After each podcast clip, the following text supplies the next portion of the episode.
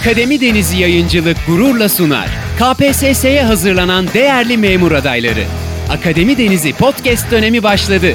Hem de bu eşsiz hizmetten faydalanmak çok kolay. Zaman ve mekan sınırı olmadan. Evde, işte, otobüste, kafede. Kısacası sizin olduğunuz her yerde Akademi Denizi podcast yanı başınızda. Türkiye'deki turizm konusuna geçmeden önce Türkiye'deki doğal ve kültürel sembollerden, varlıklardan bahsetmek istiyorum. Bir mekana ait doğal ve kültürel özellikler o mekanın tanınmasında büyük bir role sahiptir arkadaşlar. İşte Çanakkale ve İstanbul Boğazları deyince Türkiye'nin, fiyortlar deyince Norveç'in veya Pizza Kulesi denilince İtalya'nın akla gelmesi bu mekanlar için bir sembol haline gelen doğal veya kültürel yapıların insanlarda oluşturduğu algının bir sonucudur. Şimdi Türkiye'de de bunun gibi sembol haline gelmiş birçok mekan bulunmakta. Anadolu doğal güzelliklerin son derece çeşitli olduğu bir coğrafyada yer alıyor. Ülkemizin çeşitli alanlarında bulunan şelaleler, kaplıcalar, göller ve diğer yer şekilleri yer aldıkları il ile özdeşleşmiş durum durumda adeta. Arkadaşlar örneğin peri bacaları. Nevşehir'in ününün ülke sınırları dışına çıkmasını sağlamış doğal bir oluşum. Aynı zamanda içerisinde kültürel, beşeri, tarihi varlıklar var. Şimdi bu bölgenin insanlar tarafından tanınması ve ziyaret edilmesinde dünyada nadir olarak rastlanan coğrafi bir oluşumdur peri bacaları. Çok büyük bir etkiye sahiptir Nevşehir'in tanıtımında. Tıpkı bunun gibi volkanik bir dağ olan Erciyes Dağı da Kayseri ilinin popülerliğini artıran önemli bir doğal semboldür. Her yıl yüzlerce turiste ev sahipliği yapıyor Erciyes Dağı. Aynı zamanda Kayseri'nin diğer kültürel özelliklerinin de tanınmasında büyük bir role sahiptir. E, Bolu'ya bağlı yedi göller tabiat güzelliğiyle ön plana çıkmakta. Bolu için doğal bir sembol olan bu yedi göller yörenin tanınması ve ekonomik girdisi için önemli bir katma değerdir diyebiliriz. Karstik bir oluşum olan Pamukkale travertenleri Denizli için doğal bir semboldür ve bu ilin ekonomik kalkınmasında turizmi ön plana çıkaran önemli bir lokomotif görevi görüyor adeta. Şimdi Türkiye'deki şelaleler de doğal semboller arasında gösterilebiliyor. Örneğin Manavgat, Kurşunlu ve Düden Şelalesi Antalya, Muradiye Şelalesi Van için doğal bir semboldür. Tıpkı bu doğal oluşum gibi kültürel semboller de arkadaşlar Türkiye'nin tanıtımında önemli role sahiptir. Türkiye tarihi ve kültürel güzellikleriyle de adeta bir açık hava müzesi konumundadır diyebiliriz. Anadolu toprakları coğrafi konumu nedeniyle geçmiş çağlardan bu yana pek çok medeniyetin buluşma, kurulma ve gelişme sahası olmuştur. Bu nedenle birçok mimari yapı, sözlü ve yazılı eser günümüz toplumlarına miras kalmıştır. Bu eserlerden bazıları da yer aldıkları şehirler için önemli birer sembol niteliğindedir. Arkadaşlar bakınız ülkemizde hem doğu hem batı kültürüne ait tarihi eserler bulunmakta. Mesela bu tür oluşumlar bir İtalya'da yoktur veya diğer Avrupa şehirlerinde bulunmaz. Onlar da sadece Batı kültürüne ait eserler olur. Ayasofya, Kız Kulesi, Topkapı Sarayı, Süleymaniye Camii, Ortaköy Camii gibi tarihi yapılar İstanbul'un bir kültür şehri olarak tanınmasında ve markalaşmasında büyük bir öneme sahiptir. Sümele Manastırı, kemençe, çay ve hamsi denilince Trabzon ili akla geliyor. Trabzon için de bu değerler önemli birer kültürel sembol olup her yıl yüzlerce yerli ve yabancı ziyaretçi için turistik değer bir potansiyel oluşturmakta. Anadolu'da o kadar çok eser var ki saymakla bitiremeyiz diyebilirim. Örneğin Adıyaman'da bulunan 2150 metre yüksekliğe sahip Nemrut Dağı, Komagene Kralı tarafından yapılmış olan anıtsal heykeller ile tanınıyor. Adıyaman için kültürel bir değer niteliğindeki bu Nemrut Dağı özellikle gün doğumunu ve gün batımını izlemek için gelen turistler tarafından ziyaret edilmekte. Evleri ve telkari sanatı ile ön plana çıkan Mardin, kültürel güzelliklerin harmanlanması ve bu alanda adeta bir marka özelliği göstermesi ile dünyaca tanınan bir şehir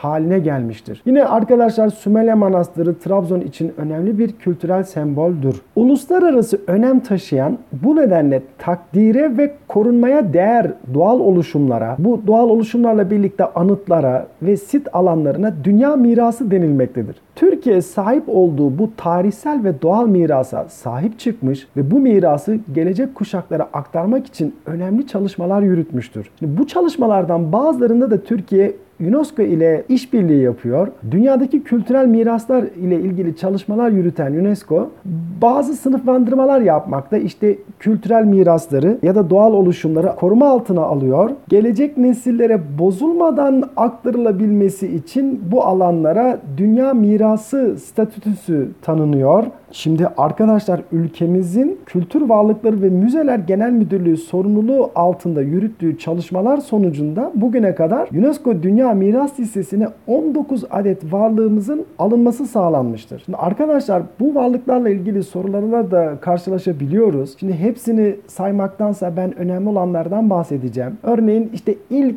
ilan edilen İstanbul'un tarihi alanları 1985 yılında. Sonra Divri Ulu Cami ve Darüşşifası geliyor. Hattuşa Boğazköy Hitit başkenti, Nemrut Dağı ya da işte Safranbolu şehri Karabük, Truva Antik Kenti Çanakkale'de, Edirne Selimiye Cami, Çatalhöyük Neolitik Kenti Konya. Bunlarla ilgili soru şu şekilde gelebilir. Örneğin hangisi Türk kültürüne aittir? Türklerin kültürünü nitelendirir, örneklendirir, izlerini taşır derlerse arkadaşlar bu saydıklarımdan örneğin Safranbolu şehri diyebiliriz. Karabük ilinde bulunuyor. Veya arkadaşlar en son hangisi Dünya Miras Listesi'ne dahil edildi diye de soru gelebilir. Aslantepe Arkeolojik Alanı Malatya'da 2021 yılında kültürel olarak miras listesine dahil edilen varlıklarımızdan. Ve şu tarz sorularla da karşılaşabiliriz. İşte hangileri hem kültürel hem doğal miras olarak listeye alınmıştır diye gelebilir. Göreme Milli Parkı ve Kapadokya Nevşehir'de ve Pamukkale Hierapolis hem kültürel hem doğal mirastır. Yani burada hem doğal oluşumlar var hem de antik şehirler, kalıntılar, harabeler gibi beşeri oluşumlar da vardır. Türkiye'nin göreceli yani özel konumu ve mutlak yani matematik konumu itibarıyla turizm potansiyeli açısından önemli özelliklere sahip olduğunu söyleyebiliriz demiştim. Ilıman kuşak yer alması ülkemizin, güneşli gün sayısının çokluğu, üç tarafının denizlerle çevrili oluşu kıyı turizmini geliştirmiştir. Bunun yanında Anadolu jeolojik ve jeomorfolojik geçmişin bıraktığı farklı yer şekilleri, doğal su kaynakları, zengin bitki ve hayvan çeşitliliği ile geçmişten günümüze farklı kültürlere ev sahipliği yapması, Anadolu topraklarındaki tarihi ve arkeolojik kalıntılar ve eserler Türkiye'yi bütün bunlar turizm açısından bir cazibe merkezi haline getirmiştir. Şimdi Tek tek bu potansiyelleri yorumlamak gerekirse sağlık turizmi ve termal turizmle başlamak istiyorum. Ülkemizde çok sayıda sıcak su kaynağı bulunuyor. Jeotermal zenginlik açısından dünyanın sayılı ülkeleri arasındadır Türkiye. Adeta bir kaplıca cennetidir. Sıcaklığı 20 derece ile 110 derece arasında değişen ve zengin mineral özellikleri sayesinde tedavi ediciliği yüksek olan 1500'ün üzerinde kaplıca vardır Türkiye'de. Ve dünyadan ve Türkiye'den pek çok turist yılın 12 ayı bu şifalı suların bulunduğu tesisleri ziyaret etmekte. Şimdi sağlık turizminde son yıllarda gelişen bir durumda medikal sağlık hizmetleri arkadaşlar. Türkiye bu konuda dünya standartlarını yakalamıştır. Örneğin saç ekimi, çeşitli estetik operasyonlar, burun düzeltmedir vesaire başkadır.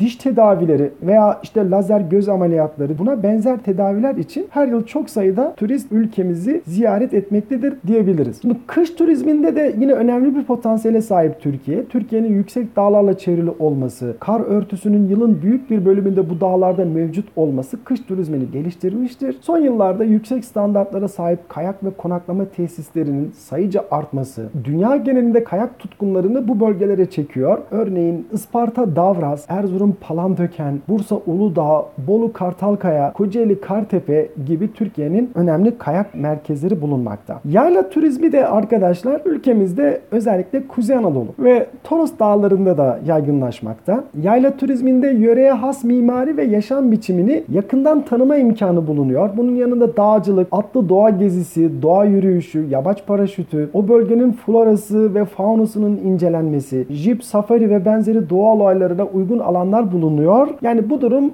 yayla turizminin çeşitlenmesine ve bu turizme olan ilgiyi artırmasına neden oluyor. Şimdi mağaralara gelince de arkadaşlar Türkiye'de müthiş bir potansiyel yaklaşık 40 bin adet mağara bulunmaktadır. Bunlardan 30'un üzerindekiler turizme açılıyor ama bunların dışında yani sadece uygun ekipmanlarla girilebilecek o kadar çok mağara var ki. Şimdi bazılarına belli başlılarına değinmek gerekirse Türkiye'nin en uzun mağarası Beyşehir Gölü yakınlarındaki Pınargözü mağarası mağarasıdır. Tam 16 kilometre. En derin mağara ise Anamur yakınlarındaki Çukurpınar Düdeni'dir. 1880 metre derinlikte. Anadolu ve yakın doğu tarihi açısından büyük önem taşıyan, işte yerleşik yaşama geçilmeden önceki döneme ait Antalya'daki Karayin mağarası yani o paleolitik dönemdeki av resimlerini gösteriyor. Milattan önce 10 bin yılına ait. Bunun gibi işte Koca İn ve Yarımburgaz mağaraları da bulunuyor. İşte Burdur'da İn suyu, Alanya'da Damlataş mağaraları gibi akla gelen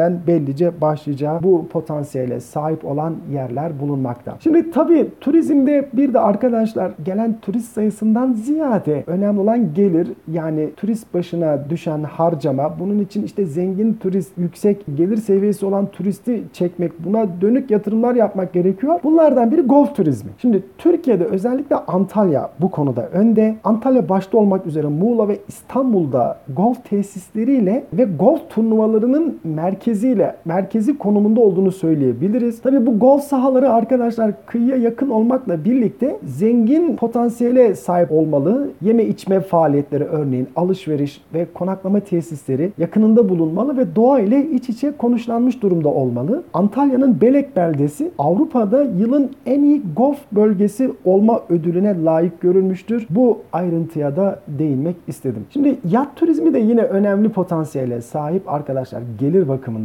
Ülkemizin üç tarafının denizlerle çevrili olması bu turizm açısından önemli bir potansiyel oluşturuyor. Ege, Akdeniz, Marmara ve Karadeniz'de de yatçıların demirleyebilecekleri eşsiz koylar, körfezler ve limanlar bulunmaktadır. Türkiye'nin en donanımlı yat limanları ise daha çok Ege'de. Ege'nin de güney kıyılarında ve Akdeniz kıyılarında bulunuyor. İzmir, Kuşadası'nda, Bodrum'da, Datça'da, Marmaris'te, Göcek, Fethiye, Kemer ve Antalya'da yer almakta. Arkadaşlar kongre turizmi de Türkiye'nin önemli bir potansiyeli son yıllarda gelişme gösteriyor. Türkiye, Asya ve Avrupa'nın birleştiği noktada olduğu için bu eşsiz doğal güzelliklerinin varlığıyla birlikte yüksek kapasiteli konaklama olanakları ile toplantı ve organizasyon potansiyeline de sahiptir. Bu potansiyelin değerlendirilmesi işte her yıl binlerce insanın, bilim insanlarının örneğin hem iş hem eğitim yani çeşitli amaçlarla kongre yapmak için Türkiye'yi ziyaret ettiğini görüyoruz. Bununla birlikte Türkiye'den ABD'ye, Orta Doğu ülkelerine, Avrupa'ya, dünyanın pek çok ülkesine günlük tarifeli uçak seferlerinin olması bu kongre turizminin son yıllarda gelişmesini sağlıyor. Kongre turizmi Türkiye'de hangi illerde yoğunlaşır diye bir soru gelebilir. Unutmayın gelişmiş illerimiz olacak. İşte başta İstanbul olur, Ankara olur.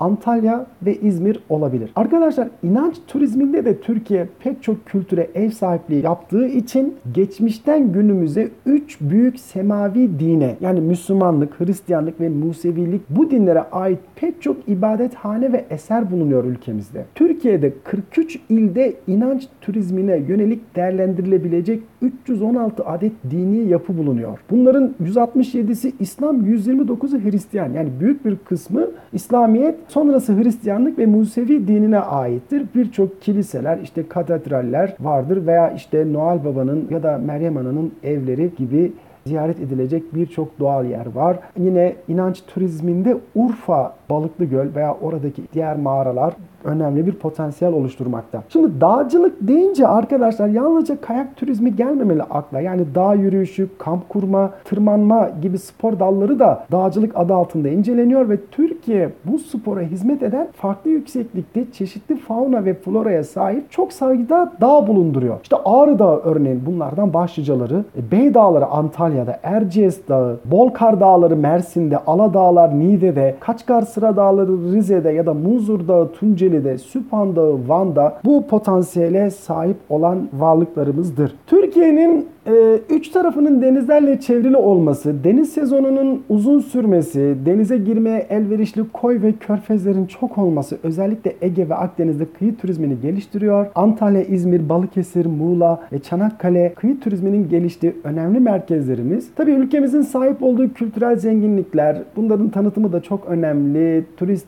turistik amaçlı değerlendirilmesi gerekiyor. Mimari yapıların, tarihi, müziktir, giyim tarzıdır. Bunların yanı sıra el sanatlarıdır, yöresel yemeklerimizdir. Dikkat çekici özelliktedir bunlar. Son yıllarda örneğin yöresel yemek tadımı için ülkemizde birçok il ziyaretçi akınına uğruyor. Özellikle Hatay, Adana ve Gaziantep gibi iller mutfaklarıyla ilgi çekmektedir. Arkadaşlar o kadar çok potansiyele sahibiz ki yani bu açıkladığımız turizm türlerinin dışında daha sayamadığım av turizmi, örneğin hava sporları turizmi, kuş gözlemciliği, ornita turizm, akarsu turizmi, su altı turizmi, birçok turizm, ipek yolu turizmi gibi ülkemizin bir yanından ziyaretçi gelmesini sağlayabilen büyük önemli potansiyelleri bulunmaktadır. Türkiye'de turizm ile ilgili çalışmalar Cumhuriyet sonrası dönemde ağırlık kazanmıştır. Bu dönemde Türk Seyyahin Cemiyeti ile bu çalışmalar resmiyete dökülüyor. Bu cemiyet ile birlikte turizme dair bazı gelişmeler yaşansa da ülkemizde turizm ile ilgili en önemli atılımların 1980 sonrasında gerçekleştiğini görüyoruz. 1982'de Turizm Teşvik Kanunu çıkarılıyor. 1985 yılında turizm kalkınmada özel önem taşıyan sektör kapsamına alınıyor. Tabi bu durum turizm yatırımlarının artması için bir teşvik oluyor. Arkadaşlar Turizm Bakanlığı 80'li yıllardan itibaren günümüze kadar turizmi geliştirmek adına pek çok strateji oluşturmakta. Türkiye Turizm Stratejisi 2023 eylem planı da bunların içerisinde en güncel olanı. Şimdi bu plan dahilinde ülkemizin turizm gelirleri açısından ilk 5 ülke arasına girmesi ve uluslararası bir marka haline gelmesi öngörülmüştür. Türkiye'de turizm politikalarının çevresel, kültürel ve ekonomik alanda pek çok etkisi bulunmakta. Şimdi bunlardan kısaca bahsetmek istiyorum. Öncelikle çevresel etkiler. Şimdi arkadaşlar Türkiye'deki turizm bölgelerinde yerli ve yabancı turist sayısının artmasıyla birlikte şimdi turistik tesis ihtiyacının karşılanması adına doğal alanların tahrip edildiğini, aşırı su kullanımı, orman yangınları, trafik, çevre ve ses kirliliği gibi bazı sorunların yaşandığını görüyoruz. Şimdi turizm politikaları dahilinde bu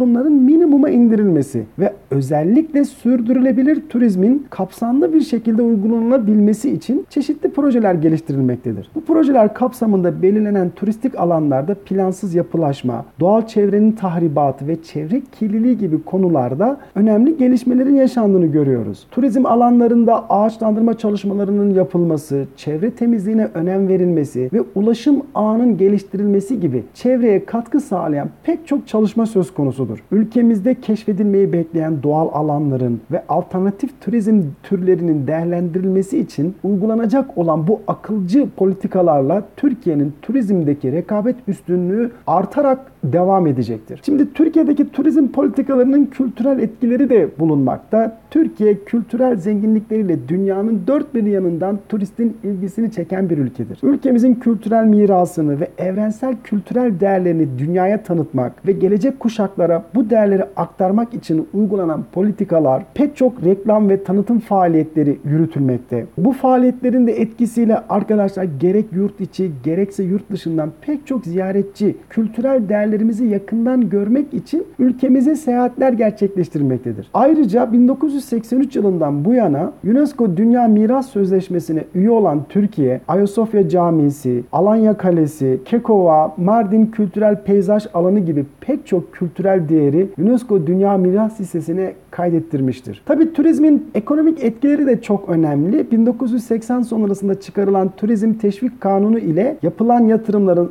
artmasıyla turizm sektörünün çok büyük bir ivme kazandığından bahsetmiştik. Şimdi bu tarihten günümüze arkadaşlar turizm Türkiye için önemli bir döviz girdisi sağlamış ve dış ticaret açığının kapanmasında büyük bir pay sahibi olmuştur. Şimdi turizm bu özellikleriyle ekonomik gelişimin en büyük lokomotiflerinden birisidir ve turizm potansiyeli olan alanlar çeşitli projelerle son yıllarda desteklenerek ve tanıtımı yapılarak popüler hale getirilmeye çalışılmaktadır. Tabii bu alanların turistik değer kazanması ile birlikte yerli ve yabancı ziyaretçilerin artması, e, dolayısıyla ekonominin geliştiğini de görüyoruz. Yani turizm arkadaşlar Türkiye'de bölgeler arası ekonomik farklılıkları da azaltan, sektörel zenginliği sağlayan, istihdam açığını da kapatan ekonomik bir değer olarak karşımıza çıkmakta. Türkiye Turizm Stratejisi 2023 eylem planına göre turizm politikaları dahilinde 2023'te ülkemize gelecek yabancı turist sayısının 50 milyon, yerli turist sayısının da 20 milyon olması bekleniyor. Turizm gelirlerinin de buna bağlı olarak artması, 50 milyar dolara ulaşması ve turist başına harcamanın da 1000 dolar olması hedeflenmektedir. Tabi bu hedeflerin gerçekleşmesi için yeni yatırımlar, teşviklerin ve istihdam olanaklarının arttığını da görüyoruz her geçen yıl. Arkadaşlar turizm bir ülkeye ekonomik katkı sağlayan en önemli lokomotiflerden biridir. Ulaşım yolu şirketleri, kiralama şirketleri, otel ve pansiyon gibi işletmeler, yeme içme ile ilgili işletmeler, alışveriş merkezleri gibi pek çok iş sahasına turizm hizmet etmekte. Böylece turizm ülkelerdeki işsizliği ve dış ticaret açığını engelleyen, döviz girdisi sağlayan ve aynı zamanda dünya barışına da katkı sağlayan çok önemli bir ekonomik faaliyettir. Türkiye'de gerek jeopolitik konumu gerekse birçok medeniyete ev sahipliği yapmış olmanın bir sonucu olarak kültürel ve tarihi zenginliklerinden dolayı büyük bir turizm potansiyeline sahiptir. Türkiye'deki cari açık sorununu çözmek, istihdam alanları oluşturmak, ülkemizin uluslararası platformlarda tanıtımını yapmak için turizm vazgeçilmez bir sektördür. Arkadaşlar en son yıl TÜİK verisine göre turizmin dış ticaret açığını karşılama payı da yaklaşık %40 olarak belirlenmiştir. Aynı zamanda günümüzde turizm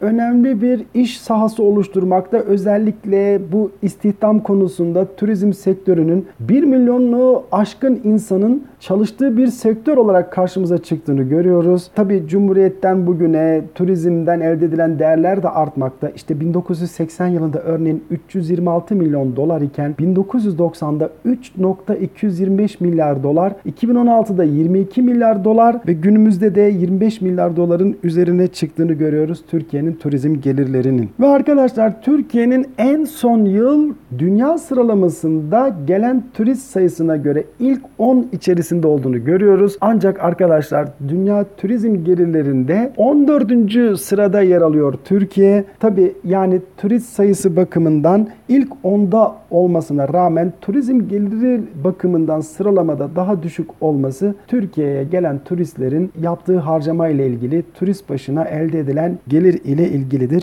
Bu gelirin çalışması için herkesin üzerine düşen görevi layıkıyla yerine getirmesi gerekmektedir. Bugün çıkmış olduğun memurluk sürecinde yeni şeyler öğrenerek hedefine biraz daha yaklaştın. Akademi Denizi Yayıncılık olarak her zaman yanındayız. Yeni bir derste görüşmek üzere.